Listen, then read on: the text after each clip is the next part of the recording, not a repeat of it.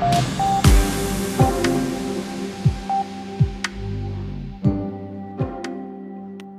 Vi har gått in i ett läge när kriget i Ukraina maler på. Det är, det är en viss trötthet som har infunnit sig och det här medieljuset som var så väldigt intensivt i början av kriget det har nu sakta börjat spridas åt andra håll också. Eh, och det är strider på många håll i Ukraina och det är mycket politik kring det här och, och många av de här striderna till exempel beskrivs som intensiva men det är väldigt svårt att få ett tydligt grepp egentligen om hur det går nu för tiden. Du lyssnar alltså på Nyhetspodden. Jag heter Thomas Selén och Ilmari Kaiku som är universitetslektor och docent i krigsvetenskap vid Försvarshögskolan i Stockholm. Och snart även gästforskare faktiskt vid Alexanderinstitutet här i Finland har jag som gäst lyckligtvis för att bena ut allt det här. Stridigheterna då, var skulle du säga att de här viktigaste punkterna är just nu? Så de viktigaste punkterna just nu eller, eller har varit under de senaste två månaderna, mm. är ju i Donbassområdet i östra Ukraina. Men där är det viktigt att betona att eh, där är det Luhanskområdet, inte Donetskområdet där mycket pågår just nu. Så om man tittar på frontlinjerna i Donetsk som ligger söder om, om Luhansk, så har frontlinjerna egentligen inte flyttat så himla mycket under, under hela kriget. Men om man däremot ser på Luhansk eh, och nu under de senaste veckorna på staden Severodonetsk, så det är väldigt mycket som händer där. Så att vi har hamnat till ett läge i kriget där både Ryssland och Ukraina satsar egentligen alla tillgängliga resurser som de har till det här området och mycket går in i staden Severodonetsk. Där har det stridits väldigt mycket. Mycket av staden ligger i ruiner. Eh, huvuddelen av befolkningen har flytt stridigheterna och eh, enligt min uppfattning så har de ukrainska försvarare nu tvingats till ett industriområde som ligger väster om, om stan. Oron är att, eh, att de skulle så småningom bli omringade av ryska styrkor. Mm. Och eh, nio dagar sedan förstördes den tredje och sista bron som leder till och från, om, från Severodonetsk, vilket, vilket har ju gjort den, eh, den ukrainska situationen mycket, mycket svårare. Alltså det är svårare att ta sig in, det är svårare att ta sig ut, svårare att ta in ammunition och mat till exempel. Mm. Samtidigt eh, närmar de ryska styrkorna eh, Severodonetsk ehm, vad ska man kalla det för, en tvillingstad på andra sidan av floden, eh, Lysychansk. Så det, det är det ryska planen just nu, att försöka omringa båda två städer och det finns tusentals ukrainska soldater på plats. Om de blir omringade så kan det bli en, en eh, betydande taktisk förlust för Ukraina. Så, så det här kriget har blivit ett utnötningskrig, men det har också blivit ett artillerikrig i Donbass. Och där har ju Ryssland rätt stor övertag när det gäller material. Att man har eh, 10 till 15 gånger fler artilleripjäser, man har mycket mer ammunition än den ukrainska sidan, vilket har gjort att nu, nu har Ryssland kunnat orsaka kanske större förluster på den ukrainska sidan än, än hittills. Just det, man har undvikit det här eh, på något sätt man mot man-krigandet som Ukraina då visade sig vara väldigt duktiga på. Exakt, och det är därför nu Ukraina, när det blir närstrid, så, mm. där, så, så i Severodonetsk har Ukraina en möjlighet att orsaka förlusterna. Och förhoppningen är nog att om man gör det tillräckligt mycket, så då börjar den här ryska offensiven fastna helt enkelt, att, att den inte går vidare. Och det, och det som vi kanske, kanske börjar se så småningom är att eh, det blir någon slags operativ paus under sommaren. Men det återstår att se om, om det blir det. Men det är flera analytiker som tycker att det, det, det, är något som vi ser framför oss. Det här artilleriövertaget som Ryssland nu då har, Ukrainas ledare Zelensky har ju varit väldigt aktiv med att påpeka att de behöver ammunition, de behöver vapen, allting måste komma snabbt från väst. Eh, och många länder har ju lovat att jo, jo, det kommer och vi skickar allt möjligt. Är de där? Kommer de? Har, jag menar, det, just, det låter ju som att Ukraina behöver dem för att kunna matcha Ryssland. Absolut, och det, och det är viktigt att eh, hela tiden eh, tänka på att Ukraina är mycket mindre än Ryssland.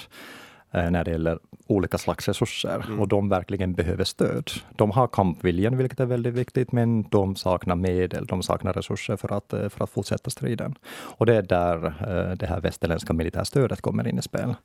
Och det, det, är väldigt, eller helt avgörande för, för Ukraina i dagsläget. Så Zelenskyj har ju sagt att Ukraina lider kanske 100 döda per dag. Det finns andra ukrainska, ukrainare som säger att kanske 200 per dag och sen ytterligare 500 sårade, det vill säga en bataljon per dag som man, som man förlorar. Det är helt ohållbart i längden. Det är enorma förluster. Ehm, men varför pratar Ukraina nu om saker som man vägrade göra tidigare, som Ryssland vägrar göra fortfarande? Ehm, jag tolkar det som ett nödrop helt enkelt. Att det här är Zelenskyjs sätt att nu betona att kriget går inte så bra för Ukraina som man önskar och att man verkligen behöver hjälp nu. Sen eh, är det viktigt också att betona att det är mycket stöd som kommer till Ukraina hela tiden. Det är inte allt som vi ser i, i tidningar heller och det här stödet kommer i även i andra former. Vi har hört mycket om underrättelseinformation som Ukraina får. Vi har hört om utbildning. Det, det är inte sådana här så himla synliga saker. Nej. Sedan tar det också tid att ta det här materialstödet dit. Så det, det gäller inte bara att ta artilleripjäser från väst och skicka dem till Ukraina där de tas till fronterna, utan man måste också utbilda ukrainska soldater. Och den här utbildningsinsatserna min uppfattning är att det, det, pågår utanför Ukraina. Så man måste ta ukrainare till, låt oss säga, Estland och utbilda där och sen skicka dem tillbaka. Allt det här tar tid och, och sen måste man också komma överens om vad man skickar och hur och i vilken ordning. Du nämnde den här stridsviljan på något vis och det känns som att den börjar bli en väldigt viktig del när det här nu går in i ett sånt här malande tillstånd. Vad gör allt det här för stridsviljan och moralen hos bägge sidorna egentligen? Och det är väl något som Stoltenberg har också nu börjat betona, att det här blir ett långkrig, det kommer ta månader om inte år. Och eh, givetvis börjar det också påverka moralen i Ukraina, men även i Ryssland. Det finns moralproblem på bägge sidor. Det finns brister med, med resurser på bägge sidor. Och nu när kriget eh, blir allt mer långvarigt, eh, där, och där frontlinjerna inte ändras så mycket. Det är många som dör, men det är inte så mycket som händer om man, om man ser på kartan så börjar det också påverka moralen. Ja, men det finns väl olika nivåer, analysnivåer när vi pratar om stridsviljan. Så när det gäller den stora så är det väl eh, det här nationella och där finns det väl rätt starkt eh, stöd, ukrainskt stöd för kriget. Mm. Så att basen är rätt stark. Men när vi kommer längre ner till den taktiska nivån, både Ryssland och Ukraina nu skickar styrkor till eh, frontlinjerna som saknar utbildning. Så har vi ju inte minst i Donbass, har vi Eh, en miljö där vi har eh, nu många ukrainska soldater som nu möter en eh, massiv beskjutning, rysk artilleribeskjutning. Och de är nog inte beredda de, om, om, de, om de är dåligt ut, utbildade och utrustade. Om det saknas ammunition så kan man inte alltid skjuta tillbaka heller, så att det är bara naturligt att moralen börjar brista.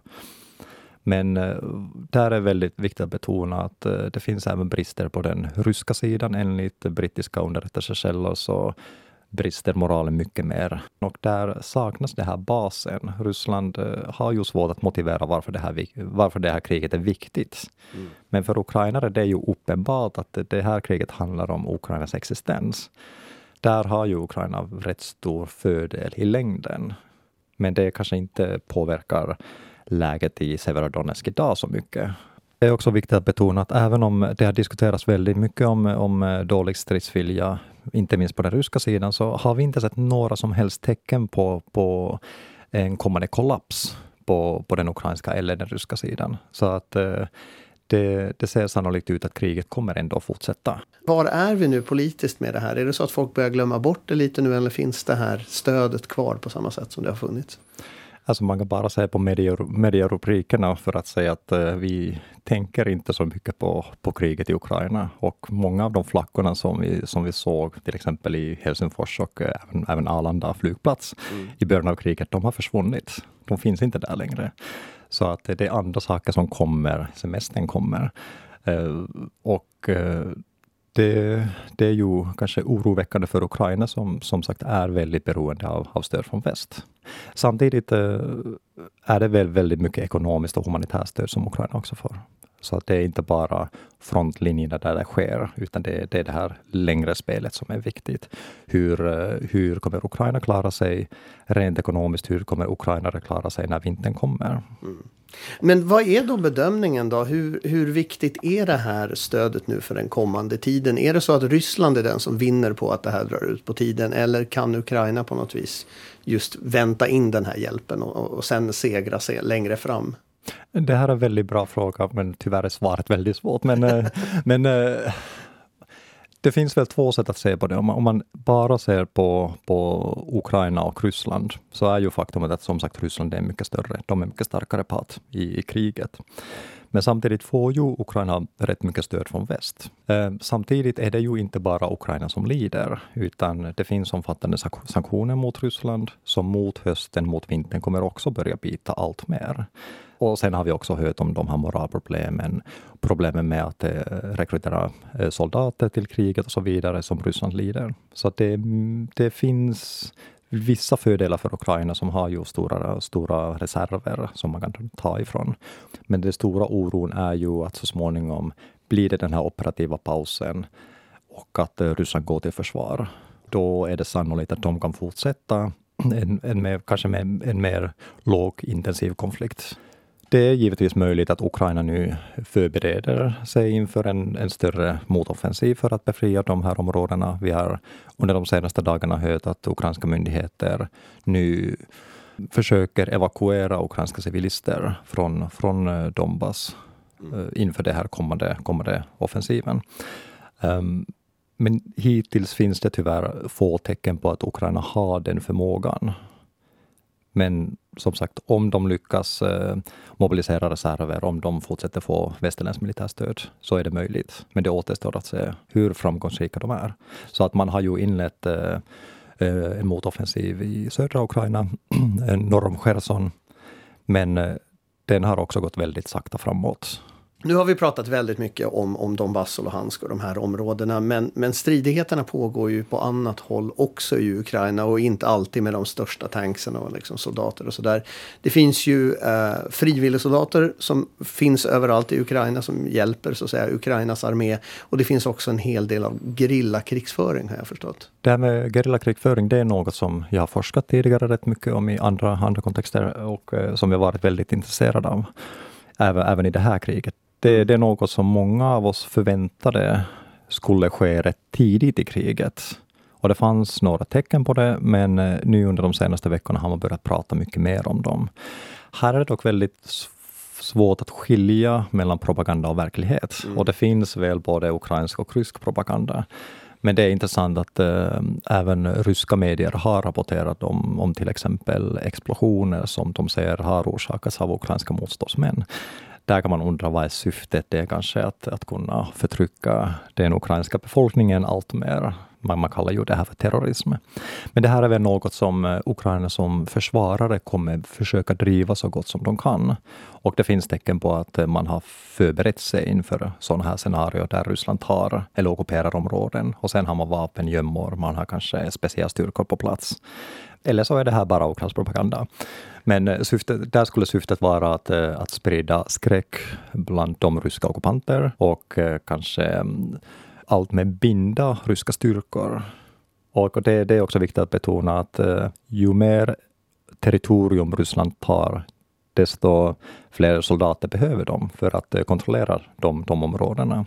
Och sen kommer den långsiktiga politiska kontrollen bli väldigt kostsam för, för Ryssland. Hittills finns det väl eh, rätt få planer om, om, eh, om hur Ryssland kan återuppbygga de här områdena som har förstörts nu. Däremot har, har vi hört om ökade matpriser, ökande läkemedelspriser och så vidare. Så att eh, det, det, är också väldigt viktigt att, att, se vad som händer politiskt och mer långsiktigt har, har det väl diskuterats att Ryssland skulle kunna annektera de här områdena så småningom. Men jag vet inte om det finns några färdiga planer för det. Helst skulle ju Ryssland vilja organisera någon, någon slags folkomröstning, men det är väldigt svårt, till exempel i staden Cherson, om ukrainska styrkor är bara 20-30 kilometer bort. Men, men den här frågan är väldigt viktig eftersom det skulle återigen ändra krigets karaktär något. Det där skulle Ryssland liksom kunna säga att nu försvarar vi Ryssland, ergo kärnvapendoktrinen gäller och det skulle ha rätt betydande konsekvenser. Men samtidigt eh, måste man göra det genom på något eh, legitimt sätt. Och, eh, och det finns inget legitimt sätt att göra det här under krig. Det, det, det är ett faktum och, eh, och Ryssland måste också inse att det här är ingen hållbar lösning. Och också en fördel med de separatiststyrda områdena var ju alltid att man hade inget formellt ansvar på de här människorna på de här områdena. Så att det var ändå om de kostade rätt mycket att underhålla så kostade det mycket mindre än att eh, annektera dem, att ta dem som delar av Ryssland det kan leda till en situation där det finns en kortsiktig lösning som skapar väldigt stora och omfattande långsiktiga problem för Ryssland. Att eh, även om nu kriget eh, just nu ser rätt dystert ut i Ukraina, så de strategiska, politiska och internationella konsekvenserna för Ryssland har varit väldigt stora och de, de har nästan enbart varit negativa. Ilmari Kajko alltså, eh, tack för att du var med i Nyhetspodden och uppdaterade oss på Ukraina. Tack så mycket. Du har lyssnat på Nyhetspodden. Jag heter Thomas Silén. Fortsätt lyssna på oss i framtiden också.